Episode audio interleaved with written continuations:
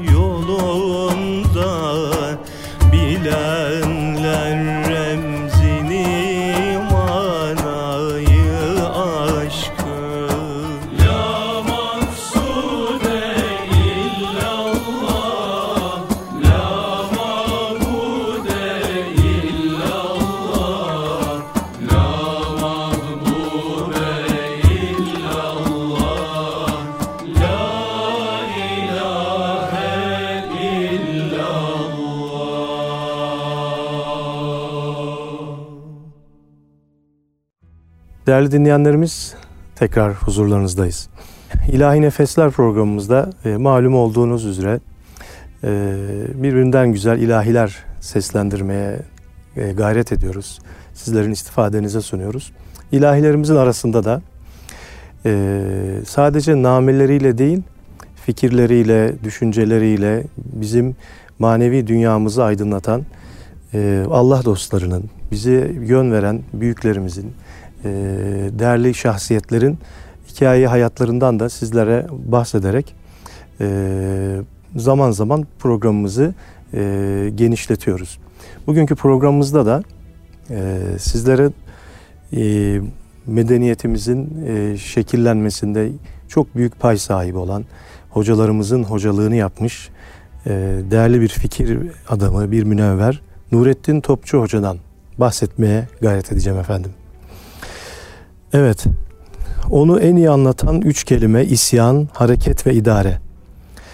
Türkiye düşünce tarihinin yapaylıktan ve kopyacılıktan uzak en özgün düşünce adamlarından birisi. Kendine özgü, ilki ilgi çekici ve cesaretli bir fikir adamı olan Nurettin Topçu, ahlak davası güttüğü ömrü boyunca yazdığı, yazdığı gibi yaşadı. Milliyetçilik kavramına İslam ve Anadolu minvalinde yepyeni bir tanım yaptı. 1975 yılında hayatını yitiren yazar, akademisyen ve fikir adamı Nurettin Topçu'nun vefat e, yıl dönümü diyebileceğimiz e, şu günlerde yine saygıyla ve rahmetle anıyoruz efendim. Okuyacaksınız, okutacaksınız kürsüde, minberde, mektepte ve üniversitede. İlmin en büyük ibadet olduğunu halka öğreteceksiniz diyor. Nurettin Topçu Hoca 7 Kasım 1909 tarihinde İstanbul Süleymaniye'de dünyaya gelir. İlk nüfus kaydında adı Osman Nuri olup Erzurumlu bir ailenin çocuğudur. Dedesi Osman Efendi Erzurum'un Ruslar tarafından işgali sırasında orduda başarılı bir topçu olduğu için kendilerine topçuzadeler lakabı verilir. Aileden İstanbul'a ilk yerleşen babası Ahmet Efendi Erzurum'dayken tahıl alım satımı ve canlı hayvan ticaretiyle uğraşmış. Daha sonra Çemberlitaş'ta kasap dükkanı işletmiştir. Nurettin Topçu'nun çocukluğu Süleymaniye'de ve Birinci Dünya Savaşı yıllarında taşındıkları Çemberlitaş'ta geçer. 1922 yılında Büyük Reşit Paşa Numune Mektebi'ni bitirir. Bu sıralarda küçük bir sandıkta kitap ve gazete biriktirme merakı vardır. Mehmet Akif'in bazı şiirlerini talebelerine ezberleten Türkçe muallimi Nafız Bey, Nurettin Topçu'da hayatı boyunca sürecek Akif sevgisini aşılar. Orta öğrenimine Vefa İdadisi'nde devam eder. Birinci sınıftayken babasını kaybeder. Lise tahtil, tahsilini yaptığı İstanbul Erkek Lisesi'nde felsefeye meyleder ve 1928'de bu okuldan mezun olur. Avrupa'da öğren, öğrenim görmek amacıyla girdiği imtihanı kazanarak Hamdi Akverdi, Vehbi Eralp, Ziya Somar, Enver Ziya Karal gibi şahıslarla birlikte Fransa'ya gider. Önce Fransızca öğrenmek için e, bir liseye kaydedilir. Görüşlerini benimseyeceği ve uzun zaman mektuplaşacağı aksiyon felsefesinin kurucusu e, Blondel ile bu sırada tanışır. İki yıl sonra Strasbourg Üniversitesi'ne geçerek felsefe öğrenimi görür. Ahlak kurlarını tamamlar, sanat tarihi lisansı yapar. 1930-33 yıllarında aldığı sertifikalar lisans diplomasında ruhiyat ve bediyat, umumi, umumi felsefe ve mantık, muasır sanat tarihi, e, içtimaiyat ve ahlak, ilk çağ sanat ve arkeolojisi şeklinde belirtilir. Kendisinden önce Paris'e gelen Ali Fuat Başgil, Remzi Oğuz Arık, Ziyaettin Fahri Cevdet Perin gibi şahıslarla e, Türkiye'ye döndükten sonra yakın münasebetleri ve dostluklar olur. Bu arada e, Messingnon Hristiyanlığa geçip papaz olan Girift asıllı Türk Paul Molla o yıllarda Paris'te bulunan Adnan adı var ve eşi Halide Hanım'la tanışır. Adı vardan sonra Messign'da Türkçe dersleri verir. Blondel üzerinden başlayan mistik ilgileri Mesignon etkisiyle İslam tasavvufuna özellikle vahdedi vücut felsefesine doğru gelişir. Tezinde ve ahlak felsefesinde izleri görülen Hallacı Mansur'un, Yunus Emre ve Mevlana Celaleddin Rumi'nin eserlerini okumaya bu yıllarda başlamış olmalıdır. Hristiyan mistizmi ve ahlakı konularında Blondel ve Paul Molla'dan faydalanmış bulunması da muhtemeldir. Hiçbir çarem, hiçbir kuvvetim, hiçbir silahım kalmamıştı. Nereye gideceğimi bilmeksizin kendimi sokağa attım. Arabaların sanki hiç yol bırakmayarak şehri tıka basa dolduran bu evlerde nasıl dinlenirler, nasıl düşünürler, nasıl yaşarlar? Bu evlerde hiç kafaları çalışan yok mudur diye sayıklıyor bir yandan da. Yol evden belalı, ev yoldan beter. Mısrağı bercestesini mırıldanıyorum. Ne kadar mırıldandım bilmiyorum. Avrupa'ya tahsile giden Türkler arasında ahlak üzerine çalışan ilk öğrenci ve Sorbonne'da felsefe doktorası veren ilk Türk Nurettin Topçu'dur. tezini bitirdikten sonra Fransa'da kalması yönündeki teklifleri kabul etmeyip 1934 yazında Türkiye döner ve 1934'te Galatasaray Lisesi'nde felsefe öğretmeni olarak göreve başlar ve sosyoloji dersleri de aynı zamanda okutur. Efendim bir eser dinleyelim ve sohbetimiz, programımız devam etsin inşallah.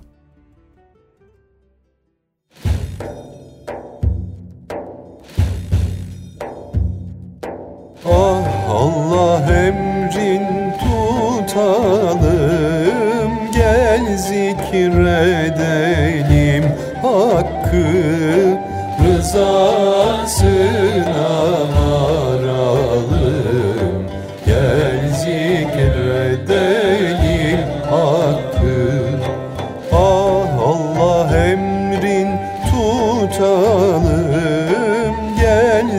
zikredelim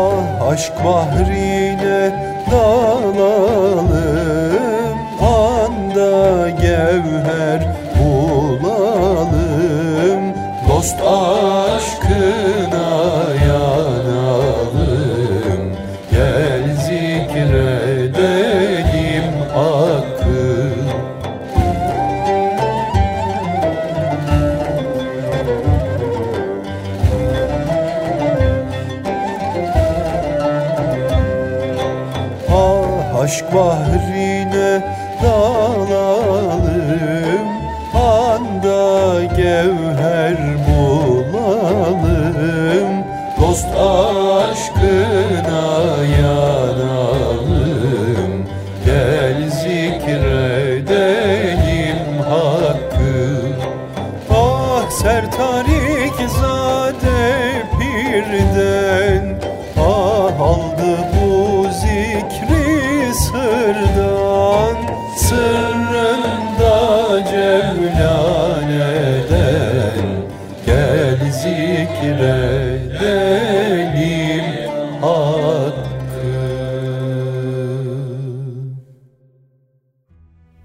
İzmir'de bulunduğu yıllarda Nurettin Topçu Hoca Hareket dergisini yayınlamaya başlar. İlk sayılarındaki yazıları hayatı boyunca izleyeceği düşüncelere hazırlıklı olduğunu göstermektedir. Derginin dördüncü sayısında yayımlanan ve Cumhuriyeti kuran kadroyu eleştirdiği ileri sürülen Çalgıcılar yazısından dolayı 1939 yılında İstanbul Vefa Lisesi felsefe öğretmenliğine nakledilir. Burada 4 yıl çalıştıktan sonra 1943'te Denizli İsmet İnönü Üniversitesi'ne tayin edilir. 44'te İstanbul Erkek Lisesi'ne nakliyle birlikte sürgün hayatı sona erer.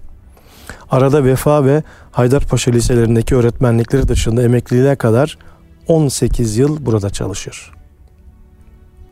Bu arada Bergson'la ilgili teziyle felsefe doçenti unvanını aldıysa da İstanbul Üniversitesi Edebiyat Fakültesi kurullarınca kadroya tayin edilmez.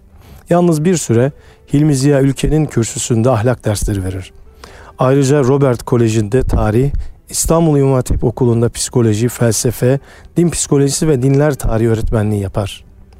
1960 ihtilalinden sonra bu ek görevlerine son verilir. 1974'te de yaş haddinden emekli olur. Kısa süren bir hastalıktan sonra 10 Temmuz 1975'te vefat eder. Ertesi gün Fatih Camii'nde kılınan cenaze namazının ardından Topkapı Kozlu kabristanına defnedilir. Fransa dönüşünde çocukluk arkadaşı Sırrı Tüzer vasıtasıyla Nakşi Hasip Efendi ve Abdülaziz Efendi ile tanışan topçu hayatı boyunca etkilendiği, etkileneceği Abdülaziz Bekkine Efendi'ye intisap eder. Celal Hoca'dan yani Celal Ökten İslami ilimler, İslam tarihi, kelam ve felsefe yönünden faydalanmış. Daha sonra İmam Hatip Okulu'nun kuruluşu sırasında programların hazırlanmasında onunla birlikte çalışmıştır. Fikri ve siyasi faaliyetlerini Türk Kültür Ocağı ve Milliyetçiler Derneği'nde sürdüren Topçu, Milli Türk Talebe Birliği, Aydınlar Ocağı ve Türkiye Milli Kültür Vakfı'nın bazı faaliyetlerine katılır. Seminer ve konferanslar verir. Fetih, Fatih, Mehmet Akif ve Çanakkale anma toplantılarının yapılmasına öncülük eder. Bir taraf ruhtan habersiz, öbür taraf aydınlığa düşman. 60 ihtilalinin ardından Ali Fuat Başgir ile birlikte Adalet Partisi'nin kuruluş çalışmalarına katılır ve 61, 61 seçimlerinde Konya'dan senatör adayı gösterilir. Ancak Cumhurbaşkanlığı seçimi esnasında Başgir'e yapılan muamele ve Demirel'in parti başkanlığına getirilmesi sırasında takınılan tavırlar yüzünden de bu çevreyle münasebetlerini keser. Efendim bir eser daha dinleyelim. Sohbetimiz devam etsin inşallah.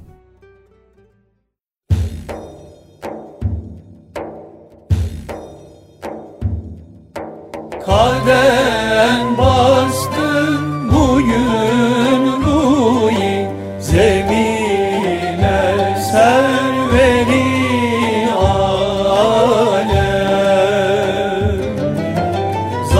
Oh.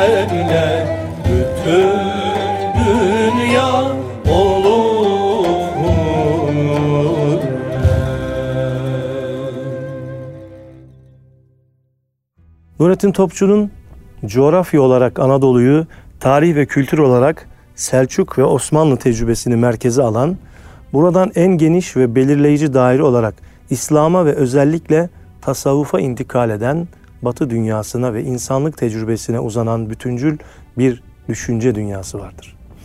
Meselelere ahlak üzerinden yaklaşır, Cumhuriyet devri Türk felsefecileri ve aydınları arasında ahlak konusunda en çok yazı kaleme alan ve bu alandaki vurgularını bütün hayatı boyunca sürdüren kişi Nurettin Topçu'dur.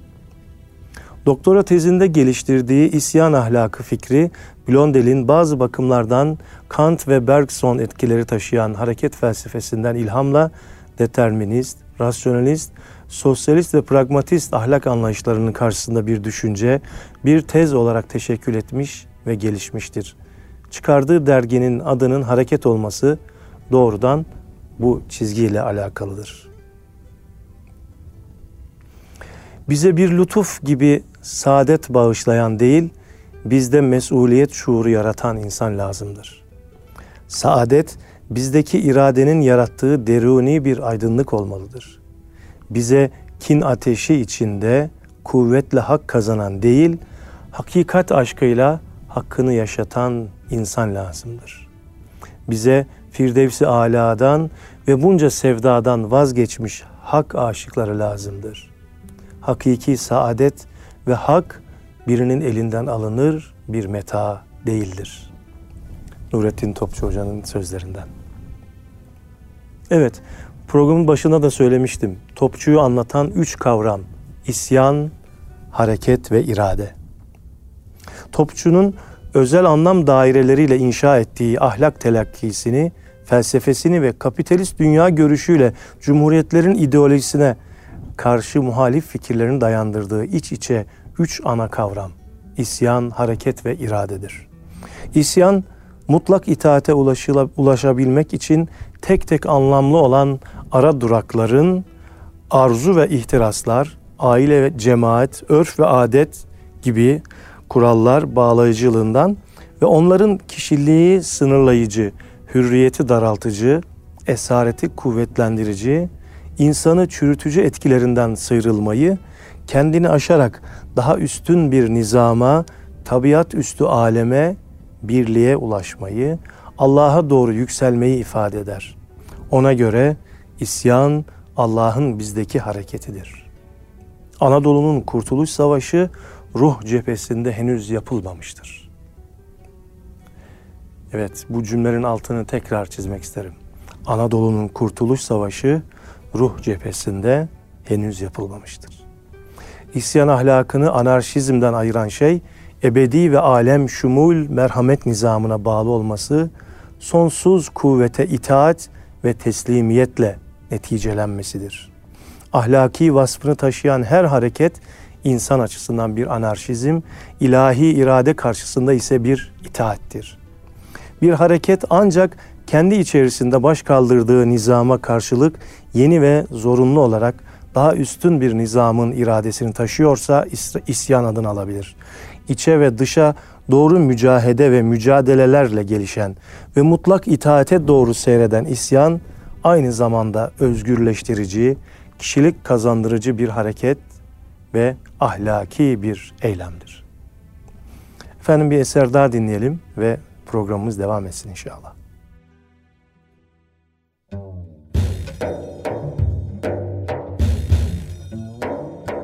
Melceği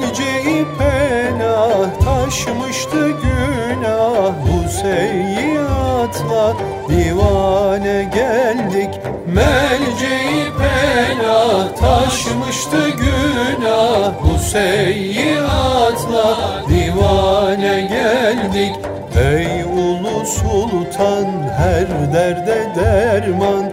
Takdire mihman olmaya geldik Ey ulu sultan her derde derman Takdire mihman olmaya geldik.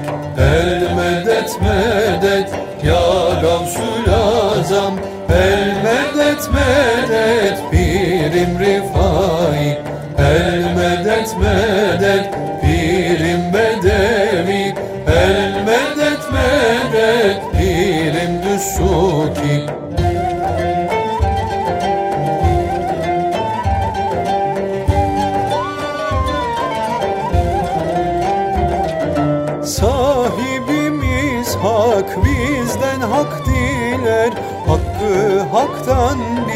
tebdile geldik. Sahibimiz hak bizden hak diler.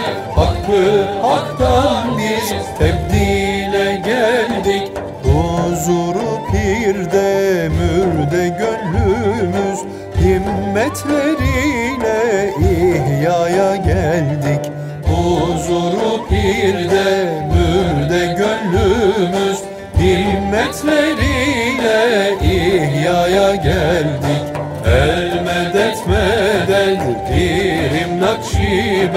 El medet medet pirim halveti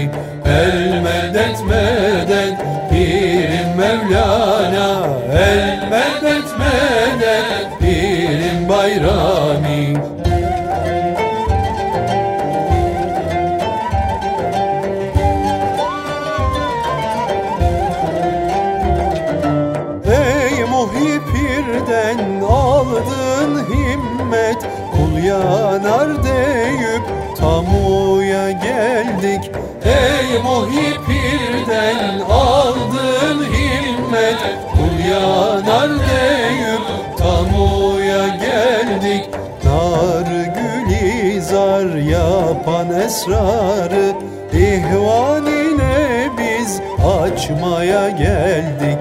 Nar gülizar yapan esrarı İhvan ile biz açmaya geldik. El medet medet pirim cibavi. El medet medet pirim bektaşi. El medet medet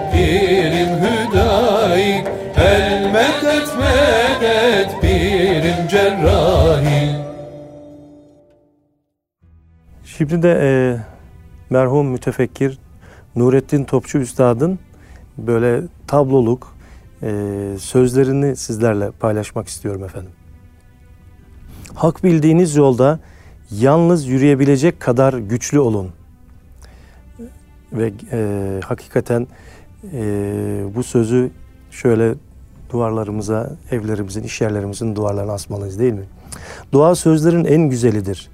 Nurdan, sudan ve sevdadan yapılmıştır der hoca.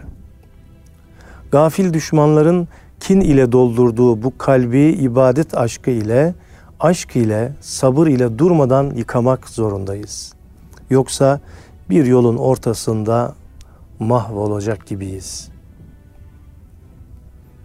Menfaatler hırslarımızın zehirli yemişleridir. Her bir ayaklarımıza vurulan birer zincirdir. Onlarla Allah'a gidilmez.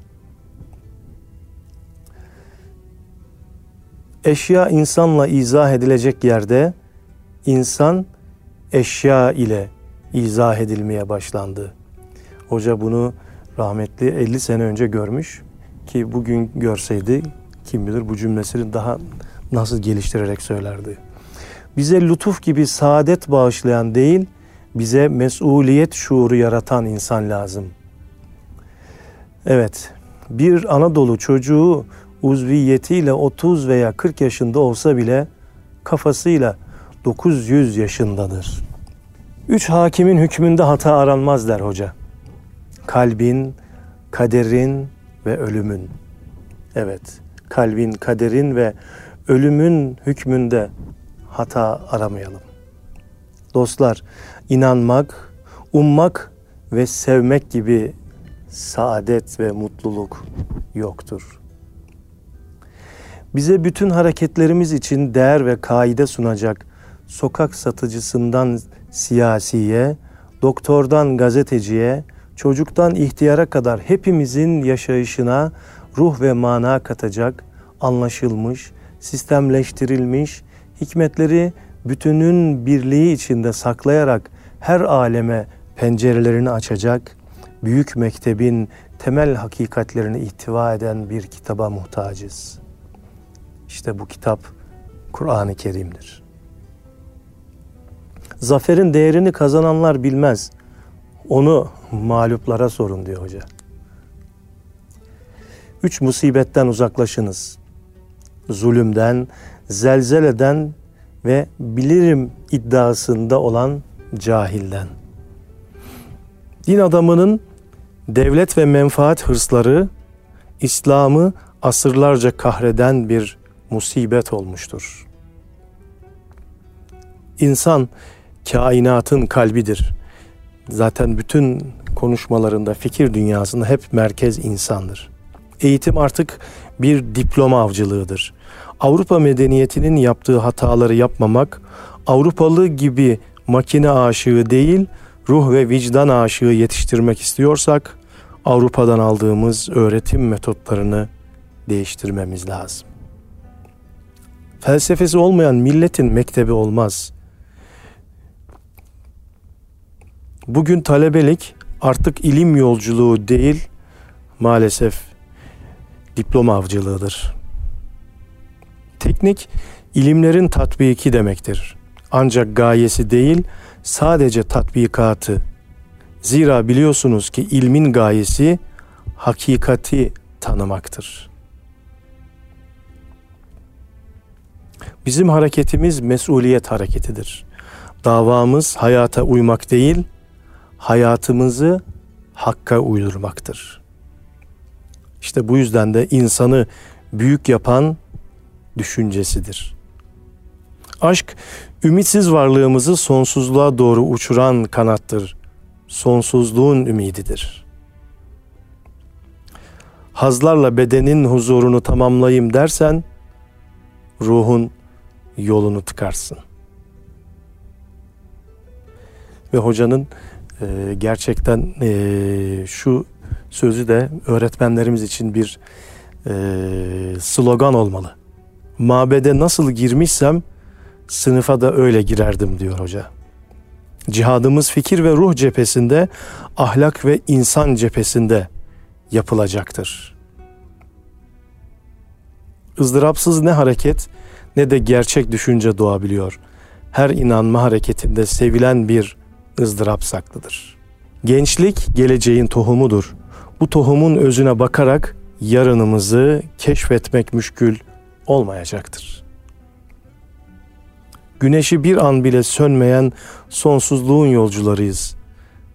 İyilik yapma fırsatı olmuş da yapmamış insan kötülük yapmıştır.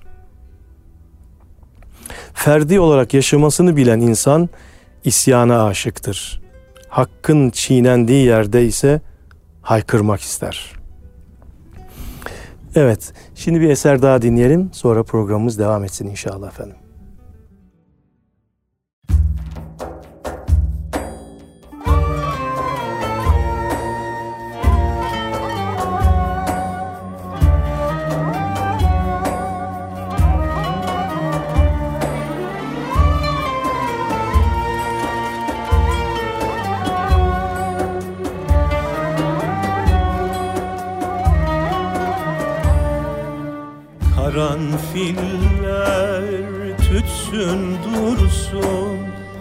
Çiçeklerin başı güldü.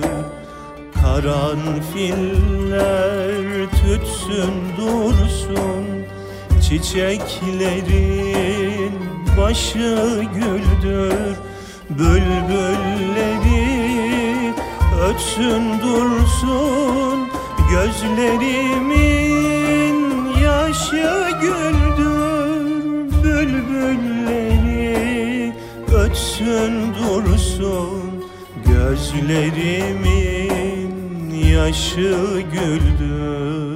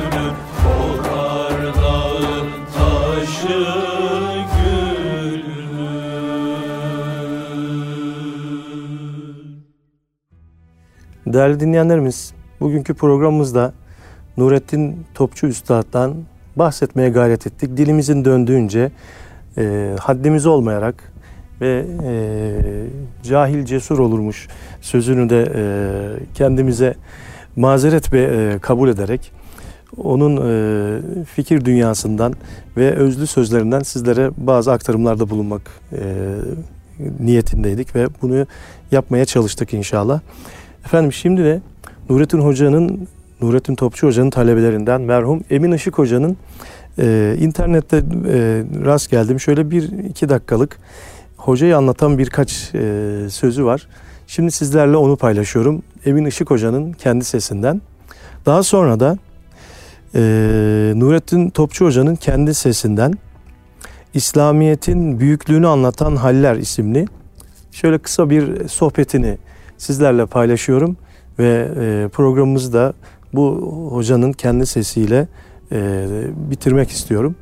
E, vaki kusurlarımızın affı dileğiyle ve bütün ölmüşlerimizin ve özellikle de Nurettin Topçu hocamızın ruhaniyetine sığınarak onun ruhuna fatihalar göndererek programımızı sona erdiriyoruz efendim. Allah'a emanet olun. Geceniz mübarek olsun. Yazdım buraya bak. Getirdim size. Zaten hayatını yazıyorum. İnşallah sonuna geldim. Bir ay içinde bitirip teslim edeceğim. Çağdaş Derviş Nurettin Topçu'nun Dünyası diye yazdım. Kitabın adı da öyle olacaktır. Nurettin Topçu'nun Dünyası. Doğumundan ölümüne kadar. Zaten vefatında hep beraberdik. Vefatı sırasında Haseki Hastanesi'nde yatıyor. Dedim ki hocam inşallah dedim siz şey olacaksınız, şifa bulursunuz. Pankreas kanseri, doktorlar ümit kestiler yani. 15 gün ya yaşar ya yaşamaz der. Geç tesiş. E ne olacak dedi şifa bulunca dedi. Dedim hocam işte beraber yazacağız siz söyleyeceksiniz. Biz yazacağız kitaplar var düşündüğümüz projeler var onları da. Yazınca ne olacak dedi. E dedim halk okuyacak sizi anlayacak, meseleleri anlayacak falan. Şöyle yüzüme hasretle baktı. Mevlana'sını anlamayan bu millet beni anlamış ne olacak, anlamamış ne olacak dedi. Mevlana'sını anlamayan bu millet. Kendisi bir Mevlana hayranıydı. İslam'ın büyüklüğünü yalnız büyüklüğüyle, kendi büyüklüğüyle ispat etmelidir. Kalpleri onun büyüklüğüyle doldurmalıdır. Yine buna da misal olarak yani böyle bir harekete misal veren Fatih Sultan Mehmet'in bir hareketini anlatmak isterim. Fatih İstanbul'u aldıktan sonra bu büyük Müslümanlar çünkü İslam'ın başlangıçtaki işini tamamlamışlardır. Evet Fatih İstanbul'u aldıktan sonra Bizanslara çok haklar bağışladı, imtiyazlar bağışladı. Çünkü korkusu yoktu. Ee, gayesi e, Hristiyan dünya tarafından şeye uğramamaktı. Bu konu dışı olmakla beraber e, Fatih'in bu hareketinin hikmet olacak bir şeyi de söyleyeyim isterseniz. E, kendini çok sevdi. İstanbul'da Rumlara çok imtiyaz bağışladı. Onu anlamayanlar Rum dostu dediler. Hiç aldırmadı. Olduğun adamdı. Fakat bakın şu neticeyi aldı. Er, bir sene sonra Avrupa'da Paris merkez olmak üzere Haçlılar hazırlanmaya başladı. Avrupa'da büyük Haçlı ordusu Türkleri Bizans'tan atmak için. Fatih hiç tırmadı, ala, şey, ala, davranmadı, bir hareket göstermedi. İşte onun lütfu sebebiyle fethettiği kalpler, papazlar, psikoposlar bir heyet halinde Avrupa'ya gittiler, Paris'e. Dediler ki siz Haçlı sefer ordusu hazır değil, bizi kurtarmaya gelecekmişsiniz. İstemiyoruz. Gelirseniz bizi karşınızda bulursunuz. Biz Türk hükümdarıyla çok iyi anlaştık dediler. Yani bu kalbin fethine misal. Asıl hadiseyi anlatacağım misal. Şimdi böyle davranışında Fatih. Böyle davranış. Rumlar şımardılar, yani azıttılar, ilerlettiler. Bir gün gittiler psikoposlar padişaha. Hmm, padişahım dediler, biz ayrı mahkemeler istiyoruz. Ayrı mahkemelerde muhakeme edilir. Bu mahkemeler açık. Devlet içinde denir. Padişah buna kızar mı? Yok. Olgun adam. Çok olgun adam. 24 yaşında o zaman. 22 yaşında padişah. Peki dedi. Peki dedi. Onu da yaparım. Ama evvela gidin bizim mahkemelere dolaşın gelin de bu teklifi bir daha yapın bana dedi. Gittiler psikoposlar neticeyi, alıcı neticeyi biliyor. Evvela şeyde bir dava dinlediler, Üsküdar'da. Dava şu, bir adam at satın alıyor bir cambazdan. Fakat atın hastalığından şüphe ediyor, akşama kadar ölürse satıcı geri alacak. Öyle muka anlaşma yapıyor. Yok akşam bir gün geçerse geri almamak, almamak üzere atını satıyor. At ölüyor akşama kadar. Bu da geri al diye götürüyor sahibine, sahibi almıyor. Koşuyor mahkemeye. Kadılar geliyor, kadılık kapalı. Bir cenaze çıkmış, kadı kilitlemiş gitmiş mahkemeye. Ertesi gün geliyor mahkemeyi açıyor ve bu davayı dinliyorlar işte bu esnada. Yani dava anlatılıyor. İki, şimdi bu o dava olduğu gün ikinci gündür. Ben diyor birinci gün akşamına kadar atı alırım dedim. Geçti işte bir gün almam mukavele. Mukavele feshedildi. Kadı düşünüyor. Şimdi parayı ödemek bize düşer diyor çıkarıyor. Dün açık olsaydı kadılık. Sonra Kütahya'da bir arazi davası dinliyorlar. Sonra şu asıl, asıl mevzum olan üçüncü Konya gidiyorlar. Konya'da bir ticaret davası takip ediyorlar. Bir Konyalı Venedikli bir tüccardan mal satın almış. Venedikli'ye falan malı bana gönder demiş. Venedikli de malı yüklemiş gemiye. Gemi Akdeniz'de fırtına çıkmış. Gemi batmış, mal gitmiş. Venedikli parayı istiyor.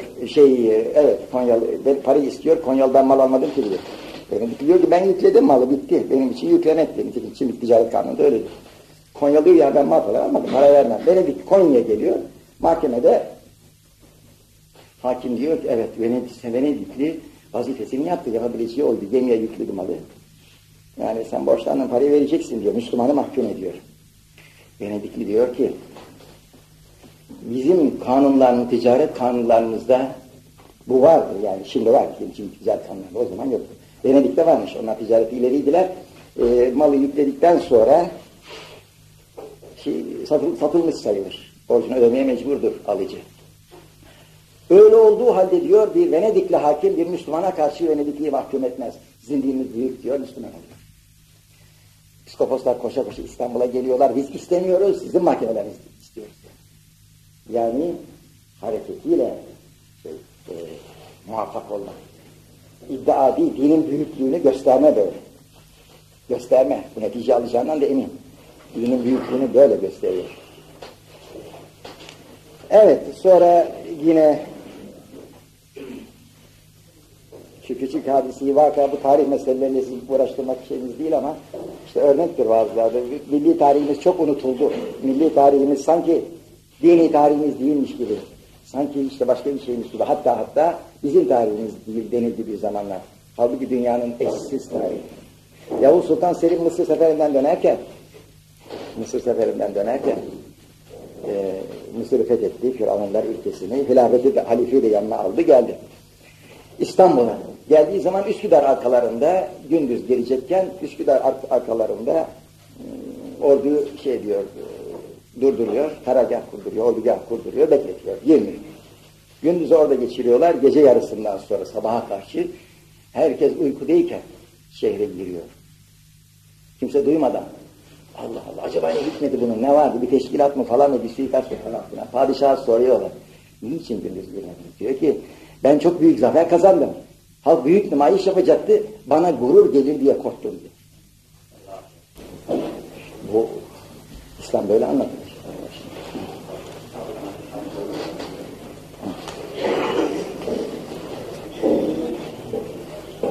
Evet. Gördük ki vaaz ne hitabettir, ne şiddetle tehdittir, ne methediciliktir, ne iddiadır. Allah'a yaranma yarışıdır, ibadettir.